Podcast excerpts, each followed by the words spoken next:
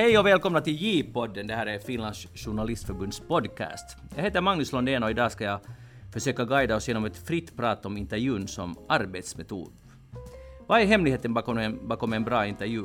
Hur gör man en bra intervju? Blir det bättre om man har ett team som planerar intervjun? Och hur ska man stanna i nuet under själva intervjusituationen? Ja, vi hoppas på många goda råd och insikter från våra experter som har erfarenheter av två helt olika typer av intervjusituationer. Och jag tror jag själv representerar en tredje typ. Vi får se.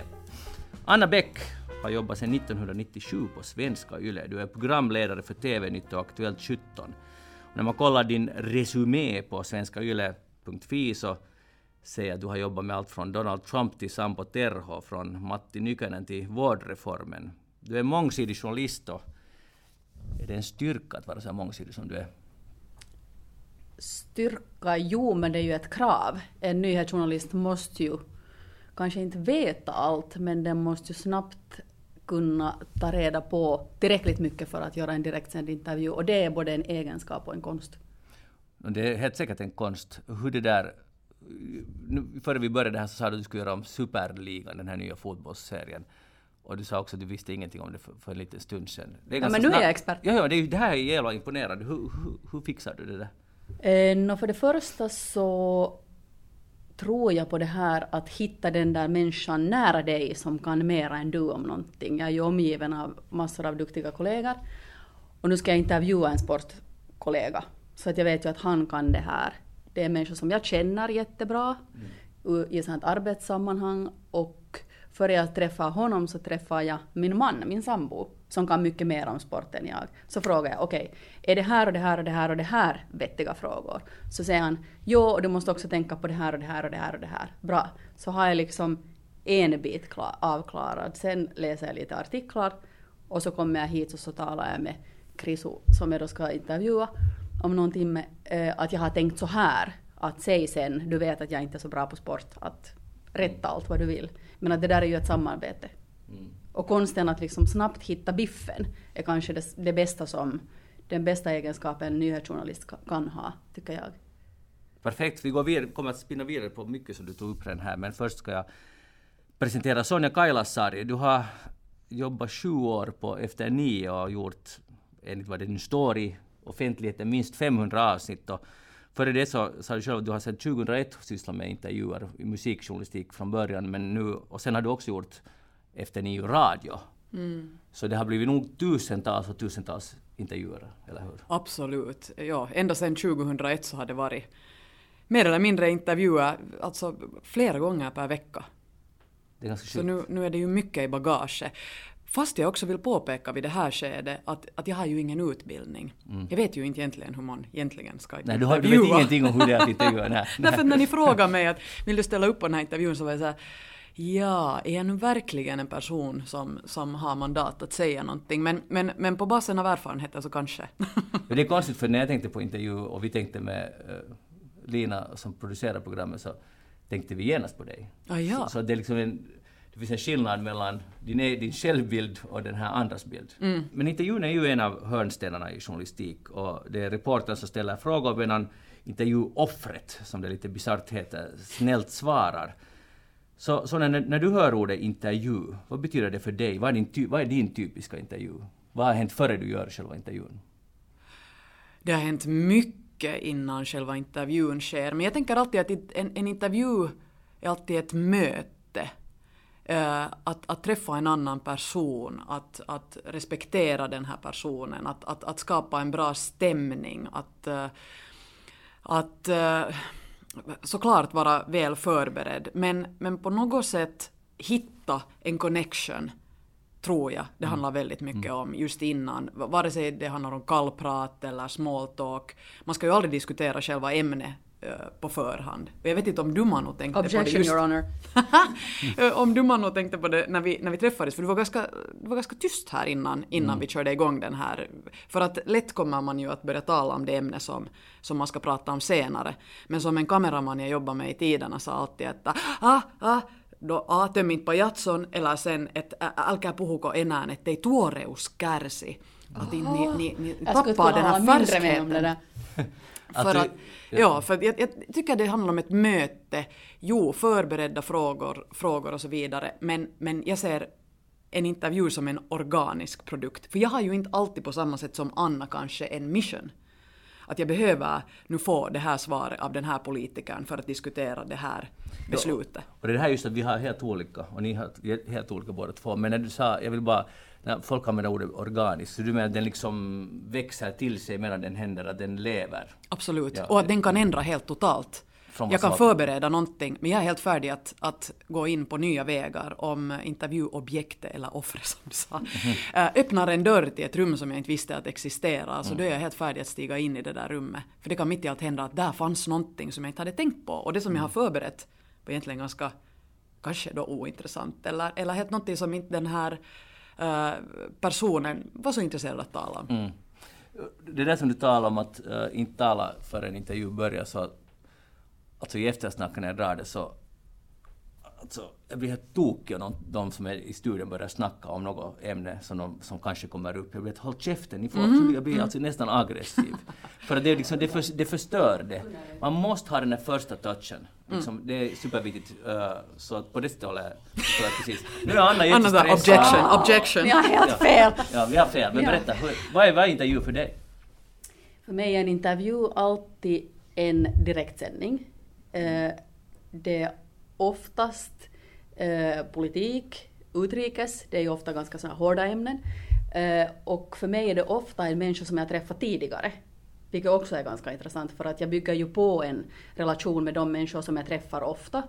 Eh, vilket ju är roligt för, då är, för jag håller helt med dig om att intervju, det viktigaste i en intervju är det där mötet. Det finns massor av teknik. Det finns vissa frågor som alltid bombar, det finns vissa frågor som alltid funkar. Men det viktigaste är det där mötet och den där intervjun har ju börjat långt före själva intervjun börjar. Nu när den börjar? Då den börjar med det första mejlet eller den första kontakten och känslan av vad behöver den här människan för att kunna slappna av? En direktsänd TV-intervju är ju helt horror för de flesta människor som kanske sysslar med något lite byråkratiskt och inte vana att uppträda i sina arbeten. Jag tycker att det är lite obehagligt att gå in i den där studion och jag gör det nästan varje dag. Så man måste ju kunna avläsa det där att vad behöver den där människan för att kunna slappna av i den här helt konstgjorda situationen. För att en direktsänd TV-nyttsändning är ju som teater. Dessutom så måste ju vara... Du måste ju göra det på tid.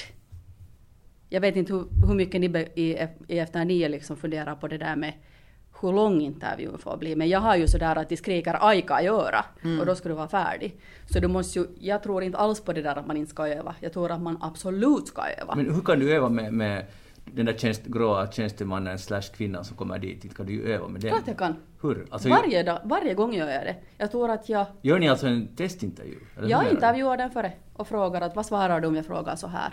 Just för att jag vet att i den där situationen så nio människor av tio kommer inte ihåg det som den hade tänkt säga när den kommer dit.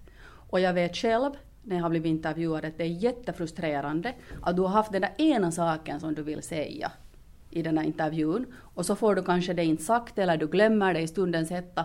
Det är vansinnigt frustrerande. Alltså, Så att jag vill liksom gå igenom det så att jag kan hjälpa den sen. För att, just för att de inte är så vana vid att uppträda. Jag, jag och förstår. för att jag ska kunna fylla på och för att jag ska veta vad ungefär eh, har den här nu tänkt säga om det här ämnet, vad finns det för aspekter här, så att jag sen kan fylla på med följdfrågor.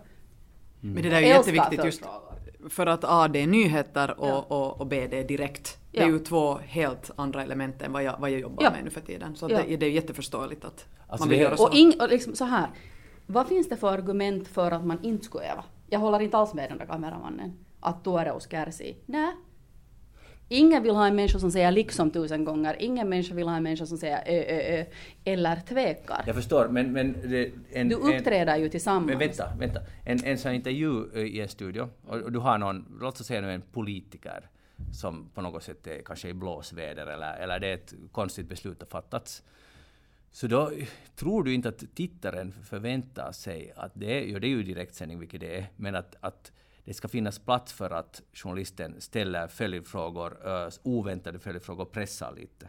För det, om ni har övat det så blir det ju inte det spontana, det faller ju bort. Ja, jag håller inte riktigt med.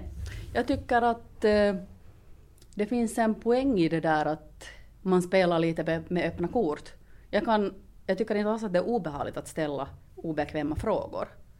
Eh, men jag säger det före. Att mm. du förstår att min yrkesroll kräver nu mm. att jag ställer den här pottiga frågan av dig. Jag måste göra det, för annars så gör jag inte mitt jobb ordentligt. Du får svara vad du vill, men jag tänker göra det. Mm. För att då, då signalerar du ju också att jag tar dig på allvar, du tar mig på allvar, vi är inte här som våra egna personer utan vi är här som våra roller. Men alltså, jag skulle ju själv bli... Vad skulle du själv svara om någon skulle börja ambusha dig i någon direktsänd intervju? Inte tror jag att du blir spontan. Jag, jag tror att du börjar...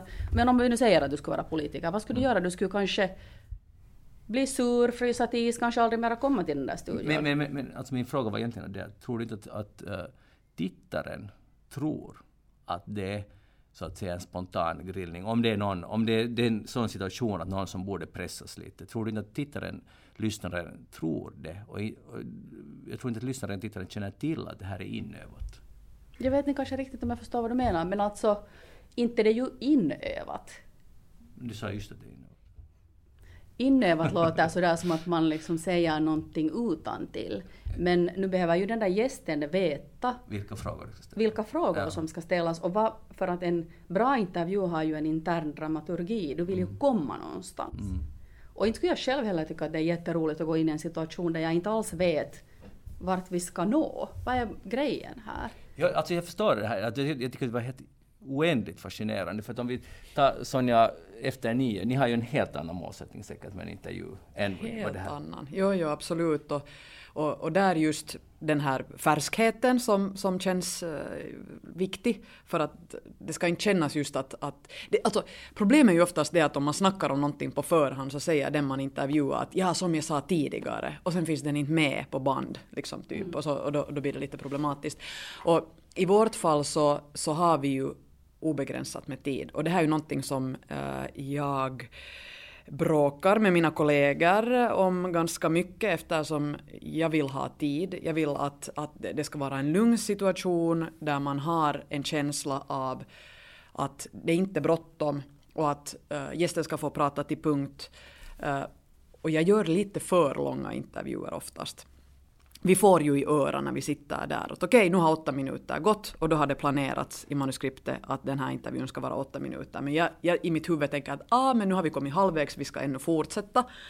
Och i värsta fall så blir ju en intervju 25 minuter. Och då, är, då sitter jag i mitt stilla sinne och säger yes, nu fick vi liksom bra grejer. Men sen är ju grejen den att det finns ju ett journalistiskt grepp när man sitter i studion och snackar. Men sen finns det ett annat journalistiskt grepp i editeringsrummet där vår editerare och producent sitter och går igenom den här intervjun och tar sen de bitar som de tycker att det är passliga. Jag går tillbaka till det där som vi talade om tidigare ännu. Att, eh, för det finns ju alltså en sån underlig uppfattning om att det är lite beige att skicka frågor i förväg till gäster. Framförallt just om det då är politiker eller andra människor då som ska bli grillade. Jag, jag måste säga att jag har funderat mycket på det där att varför så finns det en så stor avoghet mot att skicka frågor. Och jag har också yngre kollegor som säger att ja men den där är ju så bra och den där är ju så van att bli intervjuad. Inte behöver den frågor i förväg. Jag har sagt eh, har du tänkt på möjligheten att den är bra för att den får frågor i förväg? Jag vet massa exempel på människor som är bra för att de har blivit förberedda. Eh, så jag undrar bara, tror man på något sätt att det är omöjligt att vara kritisk om man har skickat frågorna i förväg. Jag vet. Att är det det som är liksom tanken alltså, där? Men jag, jag tänker, för jag tänker så här att jag tycker att är det inte snarare alltså förutsättningen för att man ska kunna vara lite kritisk är att man har liksom spelat lite med öppna kort och sagt att hej, jag ställer de här frågorna. Så övar man kanske då lite före och säger så här att, no, att vad svarar du här och här och här. Uh, jag tycker att jag ger för mycket för jag, liksom, jag hör din undertext Manuel lite det här att du ger för mycket. Du hjälper liksom ditt intervjuobjekt. Ja. Jag hjälper det med, tycker jag, rätt saker, nämligen den där obehagliga omgivningen. Mm. Men inte det är ju så att jag på något sätt ger den någon sån här get out of jail free card. Ja. Hur ofta är du sen för helt spontana frågor till exempel i en, i en sån där situation? Uh, där man har gått igenom någonting på förhand och ifall den eventuellt skulle säga någonting som du inte har tänkt dig hur mycket kastar du in Just för att jag är så kontrollfreak som jag är, så tror jag att det är förutsättningen för mig att vara spontan, är att vara jätteförberedd. Jag måste ha, kunnat, jag måste ha tänkt ut alla möjliga eh, scenarier till exempel, för att sen kunna i stunden vara lite improvisera. Men Vi är kan- ju helt olika här också. Men, men äh, gör, tillåter du dig själv att improvisera? Men vad händer om du liksom så att säga bryter, ser nu inom situationstecken, överenskommelsen i den här intervjun? Att jag frågar det här och vad säger du då? Och sen tänkte jag fråga det här. Men sen om du frågar, när du kommer till fråga C, tredje fråga, så frågar du något helt annat. Kan du göra det? Vad händer då? Ja, var- varför skulle jag göra det? du skulle få en ny tanke, du skulle få en insikt där i den här intervjusituationen. Det, vet du, du, ah, men nu sa han så, hen så- sådär att nu vill du pressa kanske vidare på det här spåret. Det, Det beror ju liksom jättemycket på vad det är för sak. Ja. Att om det gäller att liksom fortsätta gräva i någonting, absolut. Men inte tar jag tror jag in någonting helt nytt. Det skulle ju vara lite att bryta den där Och det att Kontraktet. Då, då, då kan du inte bryta, och då blir det sista intervjun du får med den här personen, kanske. eventuellt. Men Sonja, intervju som äh, institution, det är ju ganska konstigt egentligen. Eller jag brukar tänka på det här att Tänk, äh, alltså, vem annars skulle vilja umgås på det sättet att man ringer upp någon person och säger att hej, att det där, skulle du vilja komma då och då, det klockslaget till det där stället och så sätter vi kamera på er eller någon tar fram ett anteckningsblock eller dator whatever, bandspelare och så börjar vi att prata, men vi pratar på det sättet jag frågar dig frågor och du måste svara. Det är ett jättekonstigt sätt att umgås och, och att, att två människor möts på det sättet. Så hur mycket måste ni jobba med att, det som Anna också var inne på, att den här människan ska känna sig bekväm i den där situationen? Eftersom det är så konstlat egentligen. Det, det är ju allt. Alltså, för det första så finns det en överenskommelse att uh, vi ska tala om någonting. Vi har ju oftast efter nio, vi har ju teman, så vi vet ju ungefär i vilket område vi rör oss kring. Uh, uh, trygghet är ju jätteviktigt och, och, och det att man, man känner att man ehm, tillsammans jobbar för att få, få en så bra intervju som möjligt. Men jag började tänka på det där som du sa att, att eh, att det är ju en konstig situation för att en bara frågar. Men jag älskar, älskar, älskar det att jag får ställa frågor, att jag inte behöver svara så mycket. Jag tycker att det här är en jättesvår situation för mig. För Alltså just nu här. Just nu här. För, för jag är inte så väl förberedd som, som Anna som har tänkt ut eh, vad du skulle kunna komma med och hur konstruktiv du skulle kunna vara. Jag är lite sådär, "Nå, men vi ser vad som händer. Och, um, uh, men jag älskar den där situationen att, att, att ställa frågor för att då är man ju lite i kontroll.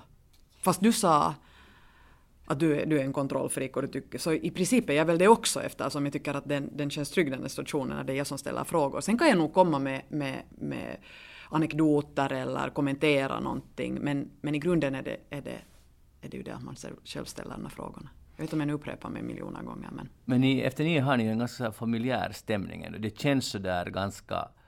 Trots att det är ju en intervju och där är kameror och där är mikrofoner så, så försöker ni helt tydligt ändå upp uppnå någon sorts stämning. En positiv stämning, en intim stämning. absolut. Stämmer det? Och hela, det här, hela den här processen börjar ju när researchern eh, ringer upp den här personen och ber, ber den komma på intervju.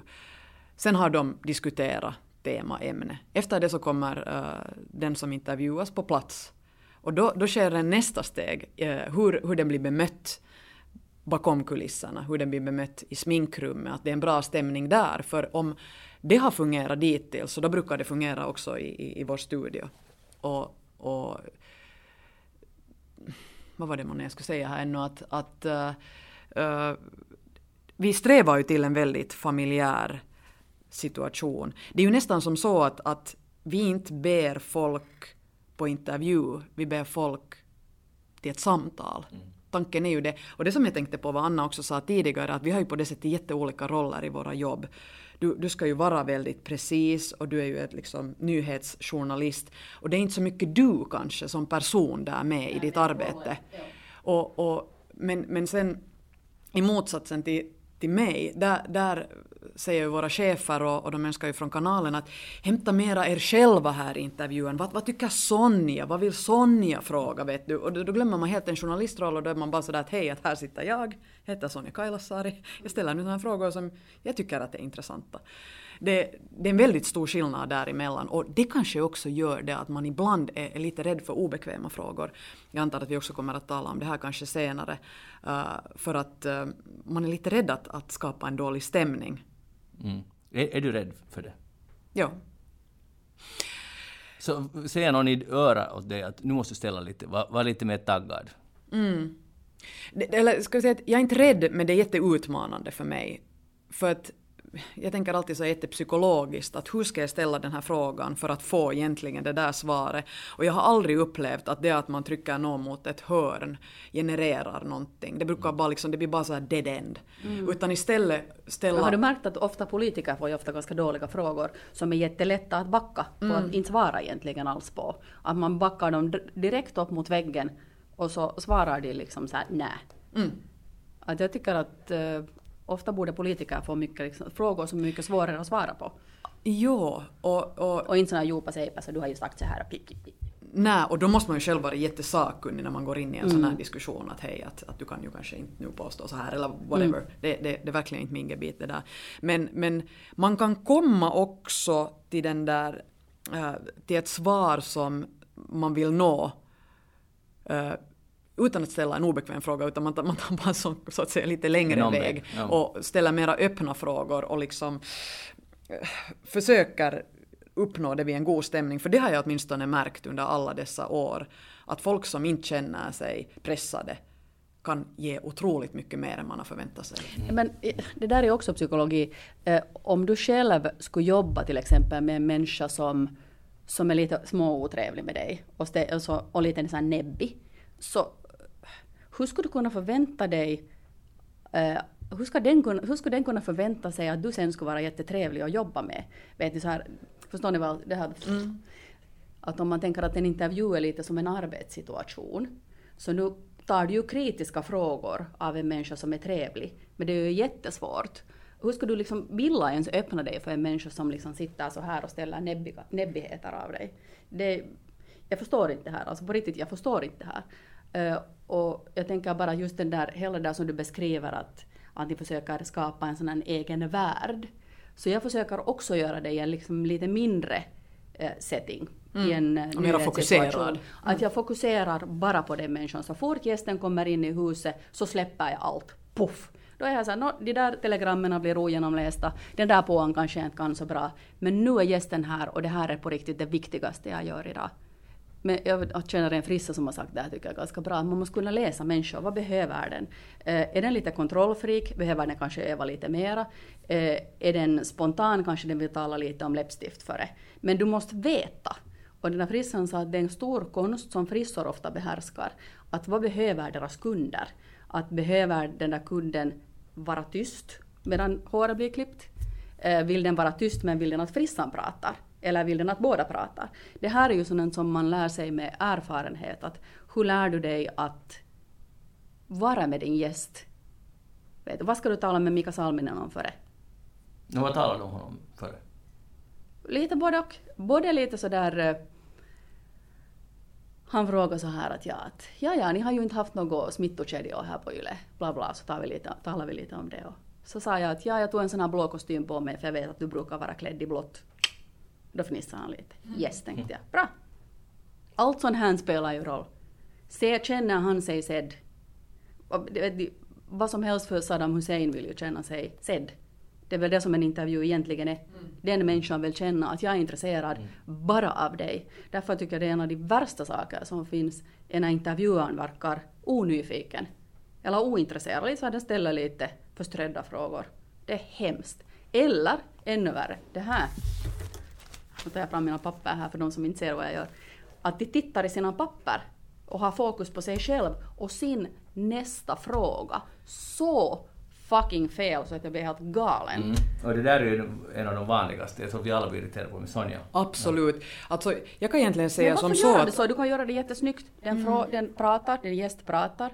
Uh, jag har alltid blackout på den andra frågan. Mm. Uh, alltid. Jag är så herregud, fast jag har övat mig 70 gånger och promenerat upp och ner i en korridor och lärt mig alla frågor utan till. Eh, jag får alltid bläckare på andra frågan. Och så är jag så här, det här händer alltid. Jag funderar lite, jag tittar på den. Jag kommer kanske på den där frågan. Men om jag inte kommer på den så tittar jag inte i mitt papper medan den pratar, utan sen först när den slutar prata, om jag då ännu fortfarande inte kommer ihåg, då kan jag titta. För då finns det ingen risk i det. Men varje gång du bryter ögonkontakten är det en jättestor risk. Och den ska du inte ta tycker jag. Nej, det, jag, jag håller absolut med. Alltså, eh, vi måste ju ha en bunt papper med i studion såklart för att det är så otroligt många intervjuer som görs till ett program och så finns det en massa pår och avor och så vidare. Eh, men jag upplever att en intervju är bra om jag inte har behövt titta i papperna en enda gång. Alltså ibland just i och med att jag går in i de här okända rummen som jag talade om tidigare, att jag, jag hoppar spontant på, på ett nytt tema ifall, ifall gästen bjuder på det. Uh, så, så det där, ibland kan det ju, borde man ju kanske hålla sig till manuset också lite bättre. Och säkert finns det önskemål uh, från researcherna ibland att, att Sonja, att var det inte det här vi talade om, att vi skulle gå igenom och så talade de om något helt annat.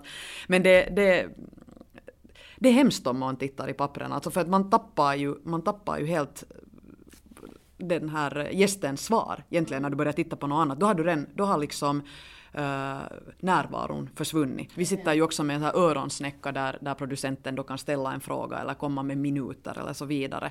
Och varje gång man hör något snack i örat så då, då tappar jag min tanke jätteofta. Det och, och, det där, och det, det, är helt, det är helt hemskt. Kan du inte säga dem att sluta? Nu, jo, jag har nog sagt och, och alltså, jag har gjort det väldigt klart att, att om ni vill säga någonting så använd mera så här korta, korta meningar och börja inte Jag tänkte på det där som vi, eftersom vi är överens om det där med möte.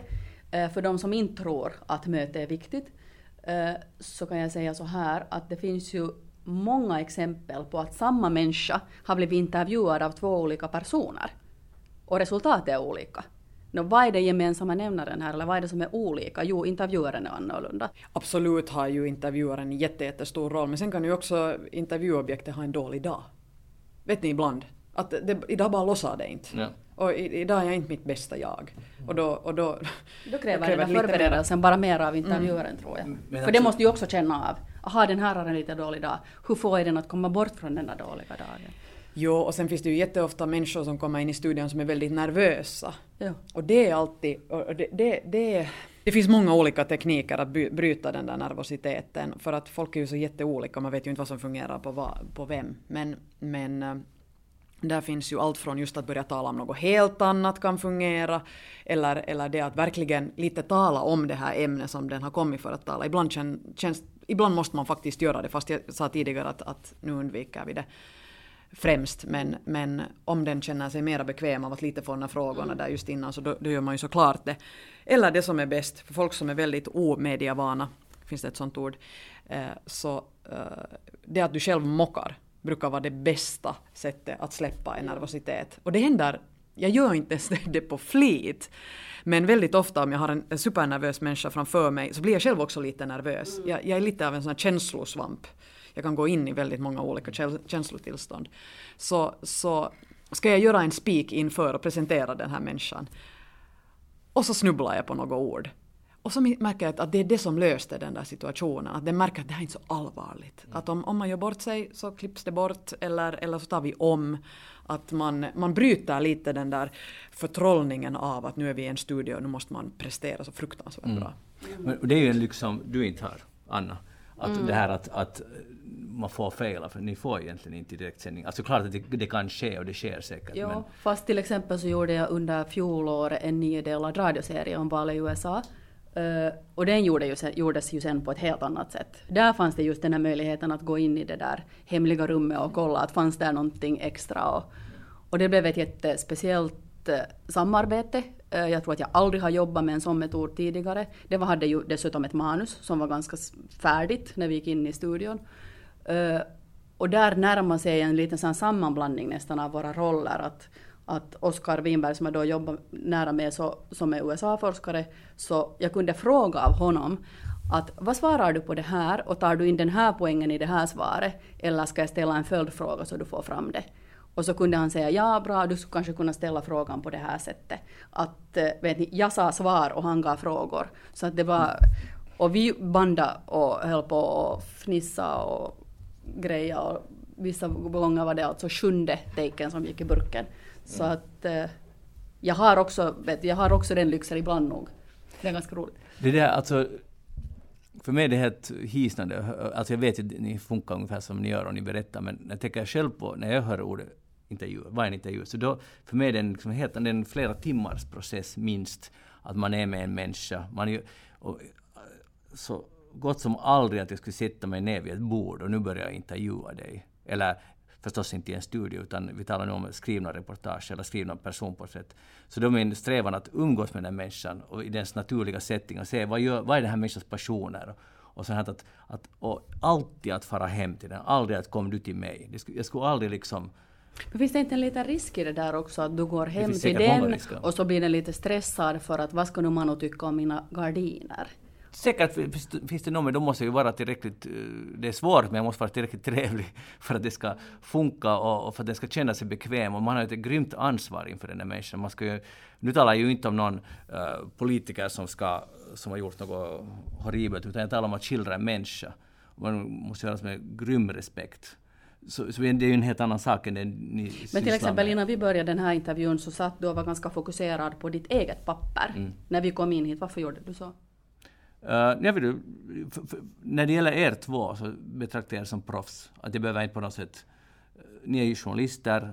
Så här tänkte jag, jag tänkte kanske fel. Men att jag, jag var inte alls nervös, för jag vet att ni skulle klara det här hur bra som helst. Jag tror att alla behöver, te, behöver öva på någonting. Mm. Någonting kanske tenderar att vara lite för svår, någon kanske kan bli lite svamlig, uh, någon kanske måste få lite hjälp med att kristallisera sitt budskap så att den inte blir alltför allmän så här. Uh, och jag tror att det finns en sån här på något sätt det där när du ser en välgjord intervju så verkar det sjukt enkelt. Men det är ju ofta jättesvårt och det ligger ju massor av arbete bakom det där.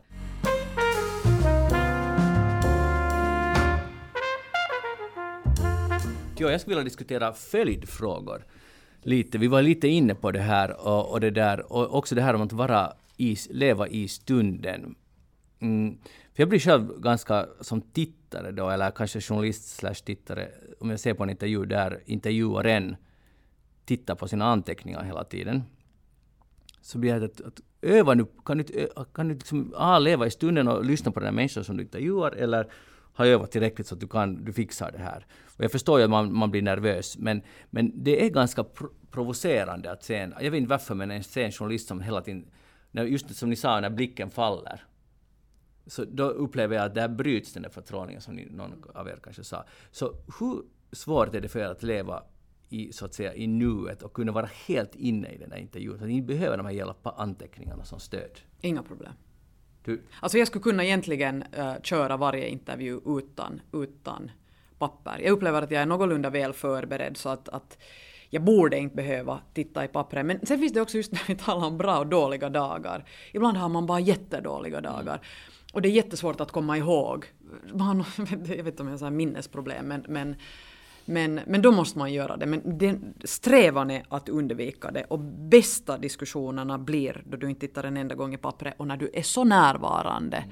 att du vågar lita på den där stunden. Att den här för nog oss åt rätt Just det, väg. där är det. Jag tycker att man det händer någonting till och med. Det känns ibland som att man blir i en sån en tunnel. Det är så allting annat försvinner. Jag känner plötsligt att nu är det bara du och jag här i studion och det är lite magiskt det som mm. händer här nu och det, den där flowen är nog jättetuff när den händer.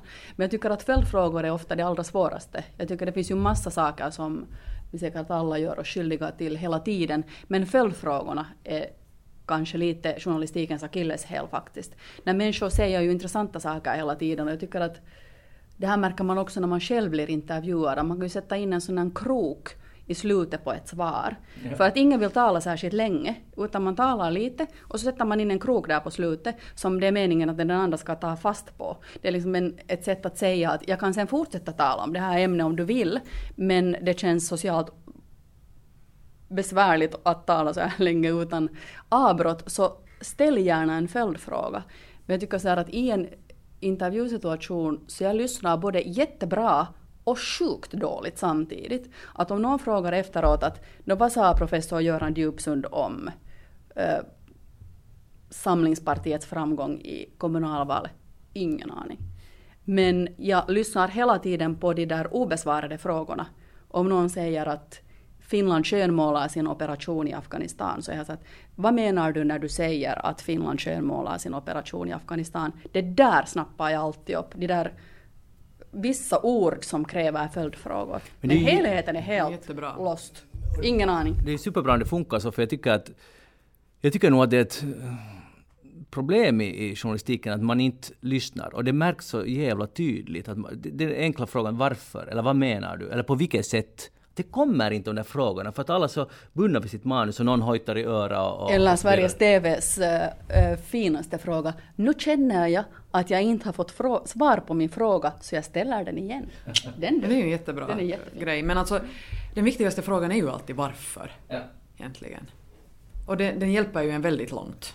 Ja, det hjälper också den där som ja, intervjuar. Min, favorit, mm. min favoritfråga är den här. Vad handlar det här om egentligen? Den öppnar upp för massor av olika nivåer och den som ska svara på den blir ofta lite smickrad. Så att vad handlar det här om egentligen? Det är en av mina absoluta favoriter. Okej, okay. två favoriter. Varför och vad handlar det här om egentligen? Men sen var också enkelt, vad menar du med det där? Alltså man måste ju liksom lite komma åt... Människor... Plus att man måste också våga ibland vara dum, eller det kan jag jättebra mm. bjuda på i, i vår, vår studio. Alltså, det finns ju människor som sitter där och tittar på, ett, på en intervju och förstår precis allt vad den som jag intervjuar säger. Men ibland när man inte riktigt hänger med själv, att våga ställa också de där dumma frågorna eller medge att man inte nu riktigt förstår. Eller på något sätt ha fokus på det där att vad kan vad funderar människor på just nu kring den här saken? Att vad är intressant för vanligt folk, jag hatar när folk säger det. Men eh, vad funderar vanliga människor kring när det gäller vacciner eller regional fördelning av vacciner? Vad är det som folk funderar på? Där kommer just de här legendariska taxichaufförerna in i bilden. Och, vet ni, vad funderar min mamma på? Vad funderar eh, min granne på? Alla människor runt omkring dig ska ju föda fram frågor hos dig, tycker jag. Det ska vara det där genuina, det som folk på riktigt undrar. Det är sant, men samtidigt gör det där mig också jättestressad ibland när jag, när jag, när jag tänker att på något sätt nu, nu, nu måste jag representera en viss grupp eller vissa frågor. Uh, och, och vad är det egentligen folk vill veta? Vad, vad händer när vi har en omstridd person som Alexander Bard i vår studio. Som, alltså, det här var ju en av de mest kontroversiella människorna som någonsin satt i Efter nio studio. Och, och, och, vi hade timtals av diskussioner om, om honom och varför vi ska ge honom utrymme. För att en del av redaktionen tyckte att vi ska inte ge utrymme åt honom. Han har jätte, jätte homofobiska, eh, rasistiska uttalanden på Twitter och så vidare. Eh, och, och, och, kan vi ge en sån här människa plats? Det gick ju som så, vi hade ju ett program där, där eh, vi kallade det för gästens val. Första gästen valde vi. Eh, andra gästen valdes av första gästen. Tredje gästen valdes av andra gästen. Så det blev liksom en dominoeffekt alltigenom. Och då hade vår första Första gäst var då filmproducent Andrea Reuter och hon valde då Alexander Bard. Så att där hade vi en orsak varför han kunde vara i vår studio, för han kanske inte skulle ha fått plats annars. Och, och det där... Han, det där är ju jätteintressant, för då, då har vi en massa frågor då har vi en massa människor som funderar på, på att varför har han uttalat sig så här rasistiskt? Ställ de här frågorna om det här. Men sen igen, om man har förberett sig väl så har man kanske suttit och, och lyssnat på en två timmars intervju som han har gett där han förklarar allt. Varför han har sagt, sagt på ett visst sätt och att han är egentligen jätte liksom, missförstådd. Och så sitter du i en studio och du har tio minuter på dig. Så vad ska du ställa för frågor och hur ska du tampas med det här ämnet? Eller, eller borde du bara ge utrymme åt den här människan att, att vara den han är? Vet ni? Alltså, mm. det, här, det här tampas jag med hela tiden. Det är nästan omöjligt. Det är omöjligt. Sen, sen tänker jag på något sätt att samma gäller till exempel uh, att intervjua sam, sannfinländare. Som väldigt många upplever att, att de borde ställas till svars för det ena och det andra. Men sen på något sätt, vår, vårt eh, program är ju inte det forumet heller att göra det. Så om man skulle bjuda in en, en, en person så då skulle jag ju nog vilja göra det med all respekt att den här personen får, får plats att tala om vad, vad vi har kommit överens om till exempel kring något tema eller så. Jag tänkte ännu på det där med att lyssna. Eh, jag gjorde en gång en radiodokumentär om ett par tvillingar som hade vuxit upp i olika länder. Eh, för att, Eh, lång historia, men eh, de blev kidnappade av sin pappa och sen separerades tvillingarna efter en rättegång och den ena växte upp i Argentina med pappan och den andra med mamman i Sverige. Och, och jag skulle tala då om den här kidnappningen bland annat och, och hur det var att ha en tvilling som växte upp och så här långt ifrån en och så här. Så intervjuar jag den första tvillingen och plötsligt så säger han så här bla bla bla. Den så kallade förintelsen. Jag höll på att missa det. Jag stannade upp plötsligt och sa varför säger du den så kallade förintelsen? Och plötsligt tog det programmet en helt annan riktning. Plötsligt började, visade det sig nämligen att båda två inte riktigt trodde på förintelsen. Så, och där tänkte jag så här att vilken tur att man hörde. Att man var, hade lite hoxottimet päällä för att vad skulle ha hänt? Vad skulle ha hänt? Att jag inte tittade i pappren. Vad skulle ha hänt om det där skulle ha gått ut i programmet? Ut okommenterat. Det skulle inte varit så bra. Det skulle inte ha varit Nej. så bra. Nej men det vis, visar just det där att lyssna. Och där fick du ändå, det var ju ändå någorlunda tydligt och ändå skulle du ha kunnat missa. Men tänk sånt som är ännu otydligare än det. Man måste vara otroligt närvarande för att inte missa sådana saker. Och det kan ju både vara liksom positiva saker, något spännande som inte när människan... Många är jättediskreta med sina egna, vad de gör och vad de sysslar med. De inte kanske berättar, om vi talar om personintervjuer, så här porträtt. Så man måste vara verkligen liksom lyssna och, och försöka liksom, vad menar nu den här, vad menar han hen egentligen här? Där, där fick du ändå, det skulle vara horribelt. Men då, då, då funderar man ju också när de säger så kallat, var det liksom en inbjudan till att du skulle nappa på det där betet? Eller tyckte de Nej, sen det att tror jag var- inte. att Nej, var det tror jag inte. Nej, det tror jag inte. Vi har fört en lång diskussion sen om, om det där programmet och hur mycket vi skulle tala om det här och, och så här. Det var ganska besvärligt. Jag råkade nästan vara släkt med dem så det blev ännu besvärligare. Ännu Oj, bättre. oj. Men det är Aldrig intervjua vänner eller bekanta. Det där, eh, jag, jag kom att tänka på det här med, med följdfrågor. Eh, Jag lärde mig det så, så att säga kantapään kautta.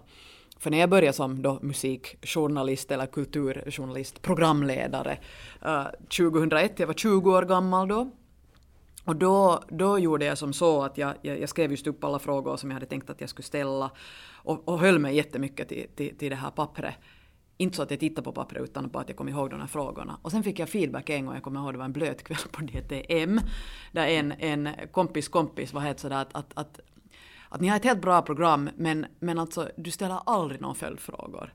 Och det hade jag aldrig tänkt på. Jag var helt såhär, just det, ja, att jag tänkte vet du, att det är de här viktiga grejerna vi måste få, få frågade och that's it.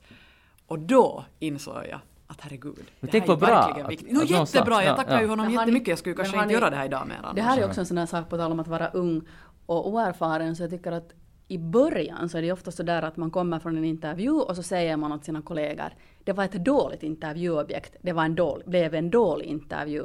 Hmm. Sen med åren inser man att om det är skit så är det oftast ditt eget fel.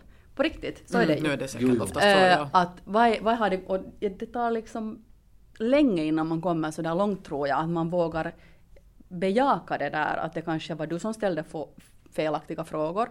Eh, Det var kanske du som ställde fel frågor till just den människan. Det måste ju vara anpassade frågor till vad just den kan svara på. Inte heller alla Rysslandsexperter utbytbara mot varandra. Vissa kan vissa aspekter, vissa kan annat. Att om den inte heller känner att den fick rätt sorts frågor, eller du var disträ i situationen, eller du tittade på dina papper, eller vet ni, what not, men det där tycker jag att det är en ganska bra på något sätt aha-upplevelse det där att blir det skit så är det ditt eget fel. när man kastades in i uh, musikjournalistbranschen som en person som mm, inte nu var sådär jättemusiknördig i tiderna. Eh, så det var också en hemsk grej för att jag måste på något sätt verka vara mer musikintresserad än vad jag egentligen var. För att på något sätt vara trovärdig. Och det, och det var hemskt i, i intervjusituationer ibland för att ibland måste man, eller ibland eh, kunde jag inte erkänna att jag inte riktigt förstod vad den här personen talade om och, och liksom gick in i det bara egentligen och försökte undvika alla dumma frågor. Och det har också varit en sån här lärdom utöver den här följdfrågegrejen att, att, att våga medge att du ingenting vet också. Det är ju jättesvårt för många. Det är ju superpinsamt. Det är jättepinsamt men alltid finns det någon som, som är av samma åsikt eller, eller tänker på samma sätt eller Ja. förstår lika lite. Ja, och det blir ju bättre om man är ärlig förstås. Jo, Ja. och sen kan det ju, det kan ju bli en helt underbar situation, ett underbart möte Mm. just där. Att förlåt, jag, nu, nu fattar jag inte. Men det är ju också det där på något sätt, tycker att, Men det kan man inte göra i nyheterna att såklart. vissa någonsin. människor är så här att de ställer lite för långa frågor. Aj, ser du det? Ja. det, det får man inte heller göra.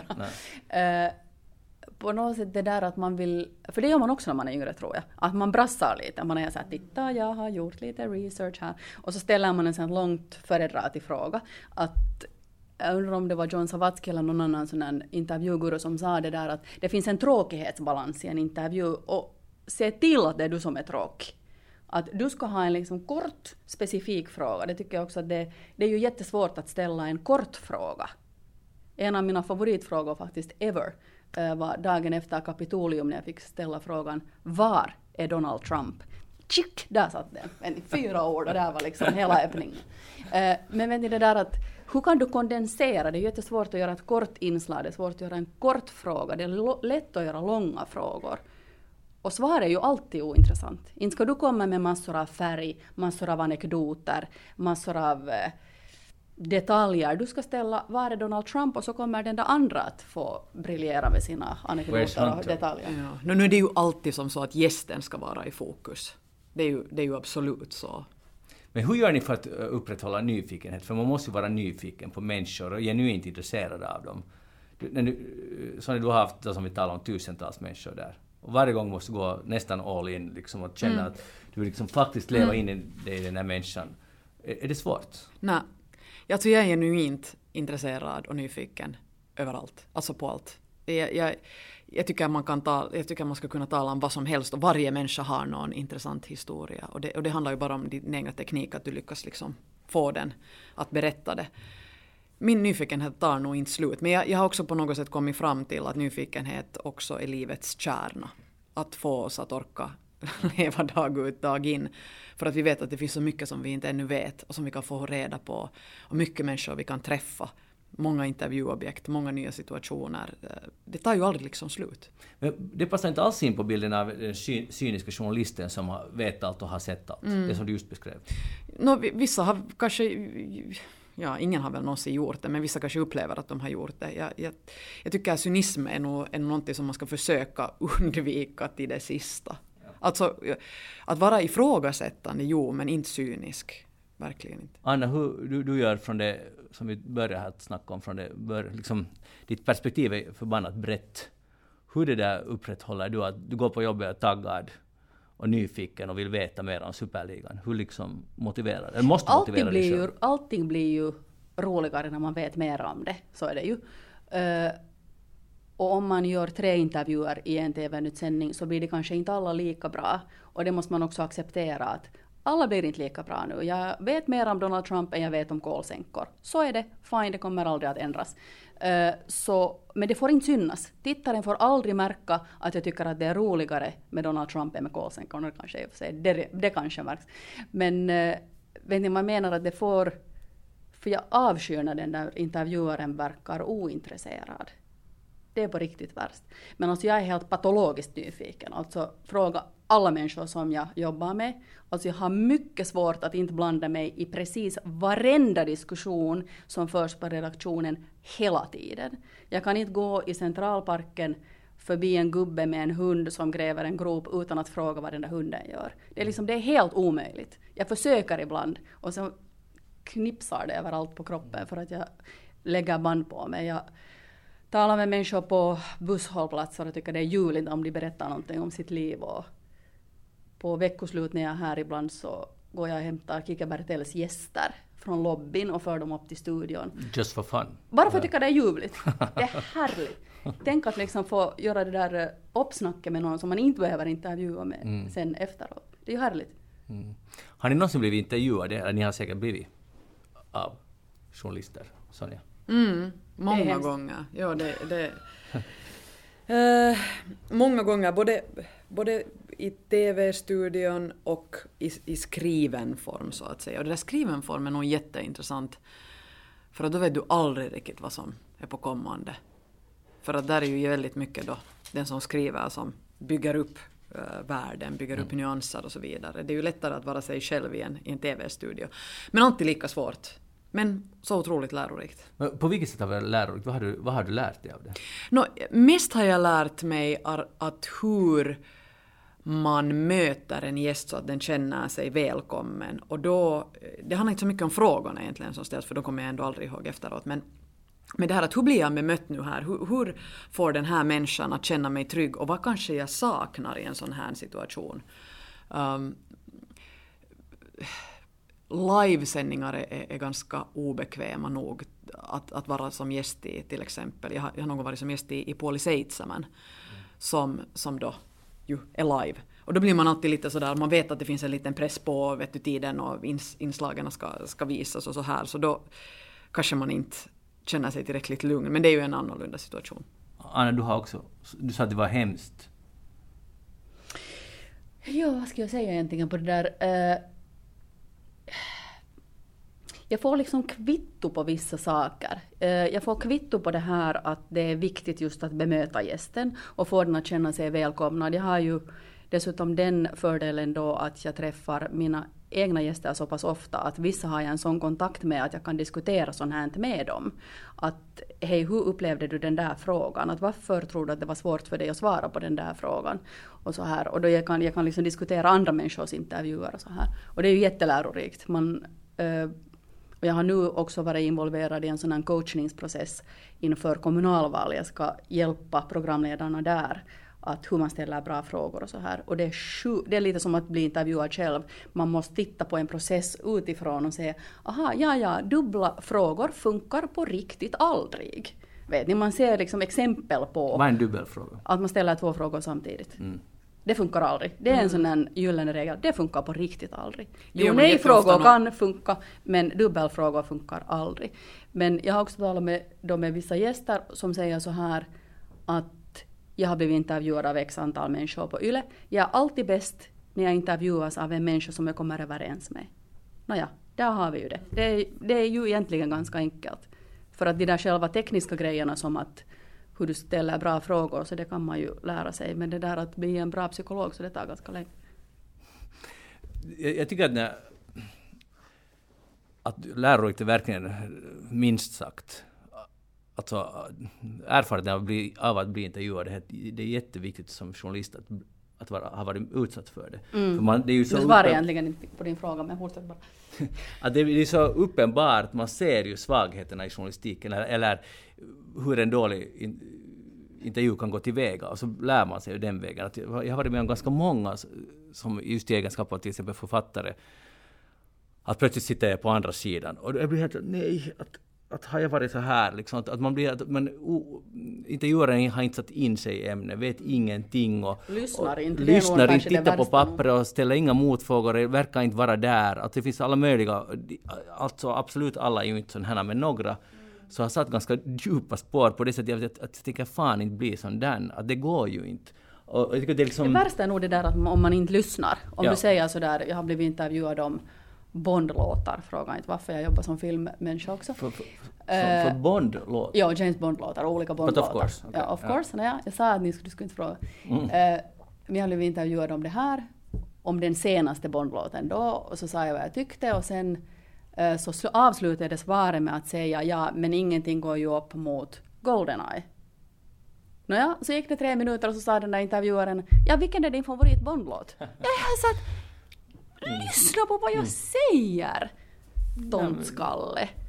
Ja, men i sådana situationer då svarar man, man, ju så här, som jag just tidigare här sa, ja. och då är man störd.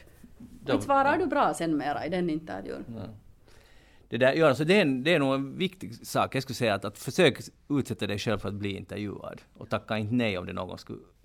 För, för det är liksom det tydligaste, på ett sätt det enklaste sättet att försöka bli bättre. Jag kom på en annan sak när du frågade där att är det bra att öva.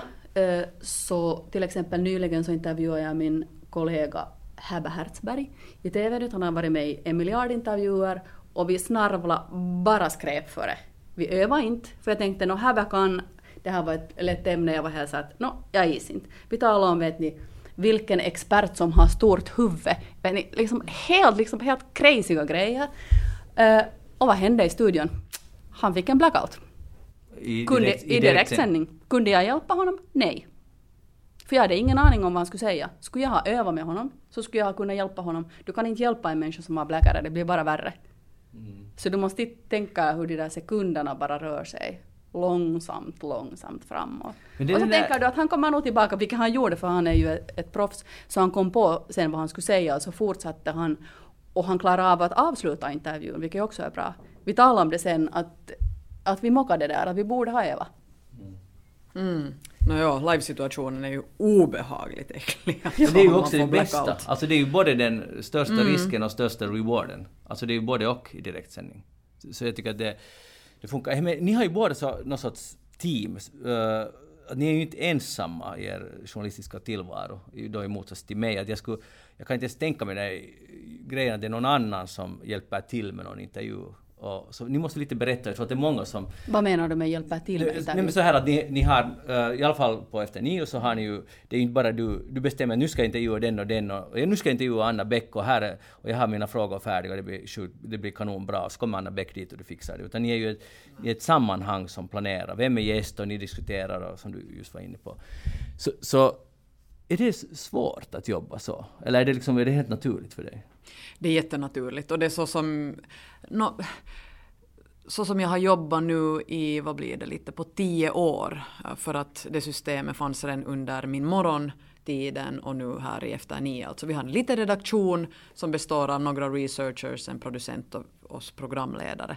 Vi manglar fram ett tema, vi kommer på gäster, researcherna ringer alltid gästerna, vi ringer aldrig mer. Alltså vid något skede gjorde vi det, men vi märkte att no, dels var det inte eh, så jättefiffigt med tanke på tiden och för det andra just det här att då kanske man snackar för mycket genom allt på förhand. Uh, och då, då just börjar en del av den här färskheten då att lida.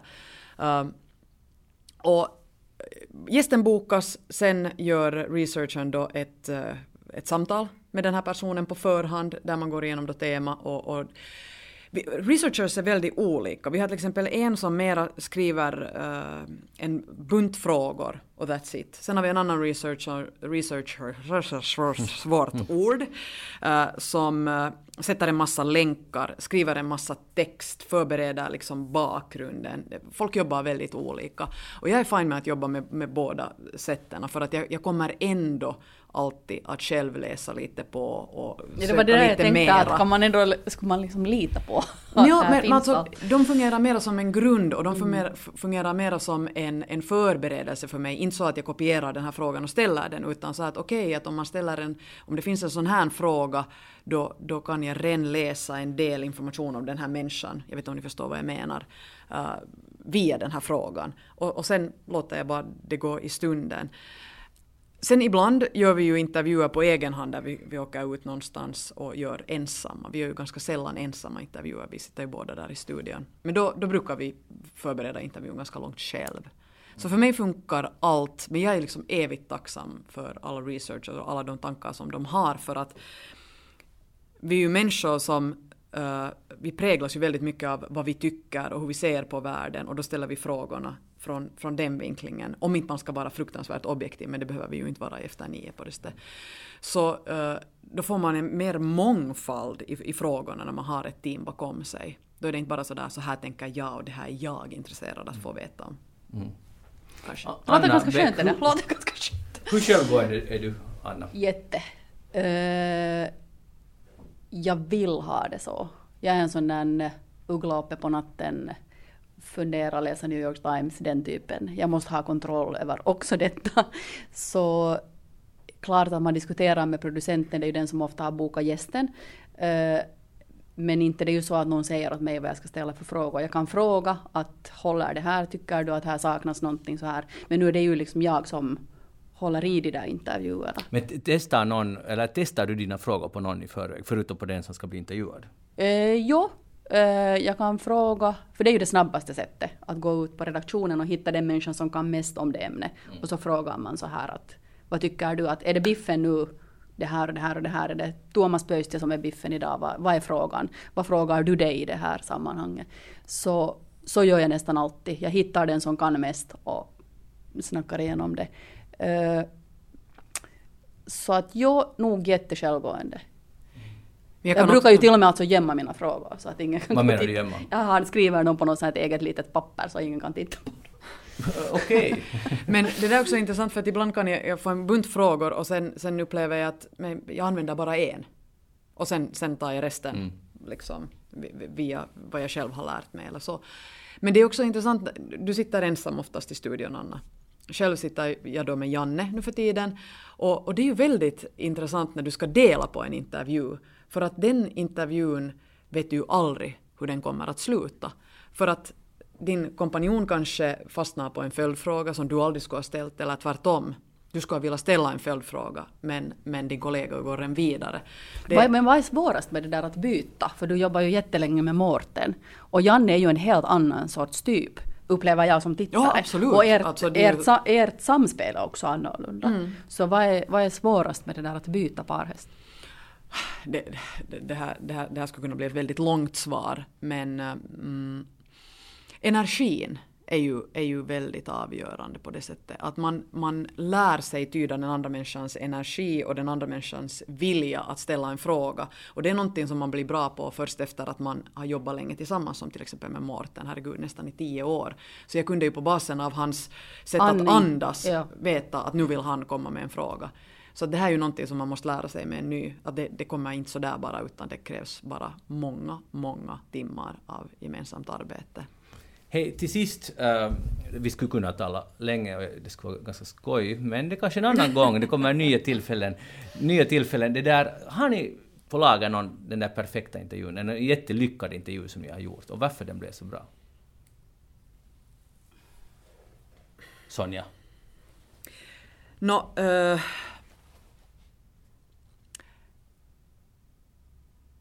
jag fick en pratstund med Patrik Sjöberg.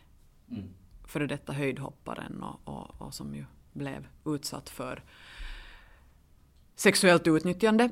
Och det var meningen att vi skulle snacka i en, i en, i en halvtimme, tror jag det var väl utsatt tid. Men det blev också en, en nästan över en timme intervju för det fanns fruktansvärt mycket eh, lugn och, och, och tid. Han, han, var liksom villig att, att, att berätta jättemycket. Och det var ju då förutsättningarna som gjorde att det blev en, en, en väldigt bra intervju. Jag tror att det blev nästan historiens längsta intervju efter nio. Den blev säkert 17 minuter, vilket är någonting som vi inte sysslar med oftast väldigt, väldigt sällan. Det är så viktigt för 17 minuter låter ju inte så, så jättemycket, men, men jag vet att i TV men, är det ju... Och tänk att du ja. klipper en 17 minuters intervju av en över timme lång, lång intervju den blev väldigt bra, men det var just för att det, alltså, tajmingen var perfekt på något sätt. Han, han hade en jättebra dag och, och, och det, det, det funkar på något sätt, vår, vår dialog där. Mm. Anna, kommer du på något? Jag har nog på något sätt ett mycket på något sätt vardagligare exempel. Det var nyligen var det en gäst i TV-nytt som var ganska ovan. Hon hade tror jag bara en gång tidigare med. Och det var ett lite, lite byråkratiskt ämne så vi måste lite fundera att hur det skulle bli lite mindre byråkratiskt. Uh, och så blev det riktigt bra. Och jag märkte under den där intervjusituationen, hon gick in och var stressad. Och medan jag intervjuade henne märkte jag hur de här, uh, hennes panna började slappna av. Och jag märkte att hon började le medan hon pratade. Och jag märkte hur hon slappnade av medan jag tittade på henne. Uh, och det var så jättehäftigt. Jag tänkte den här människan övervann lite sig själv i den här stunden. Och sen äh, läste jag ett telegram och så kom det på väl något, något inslag så jag kunde prata lite med henne. Och när hon gick ut ur studion så sa hon så här. Tack att du övade med mig. Det kändes jättebra. Och då var jag helt, nu kan jag gå hem och dricka konjak och vara nöjd med mig själv. Tack Anna Bäck för att du var med i J-podden där. Det var faktiskt en intressant diskussion. Och Sonja Kailasari, tack för att du var med. Jag heter Magnus Londén och det här var alltså J-podden. Ni får gärna e-posta oss på jpodden journalistilito.fi. Och tyck till och tyck också till om vad vi borde snacka om här, för det här är ju ett program med journalister för journalister. Vi hörs igen, ha det bra, hej då!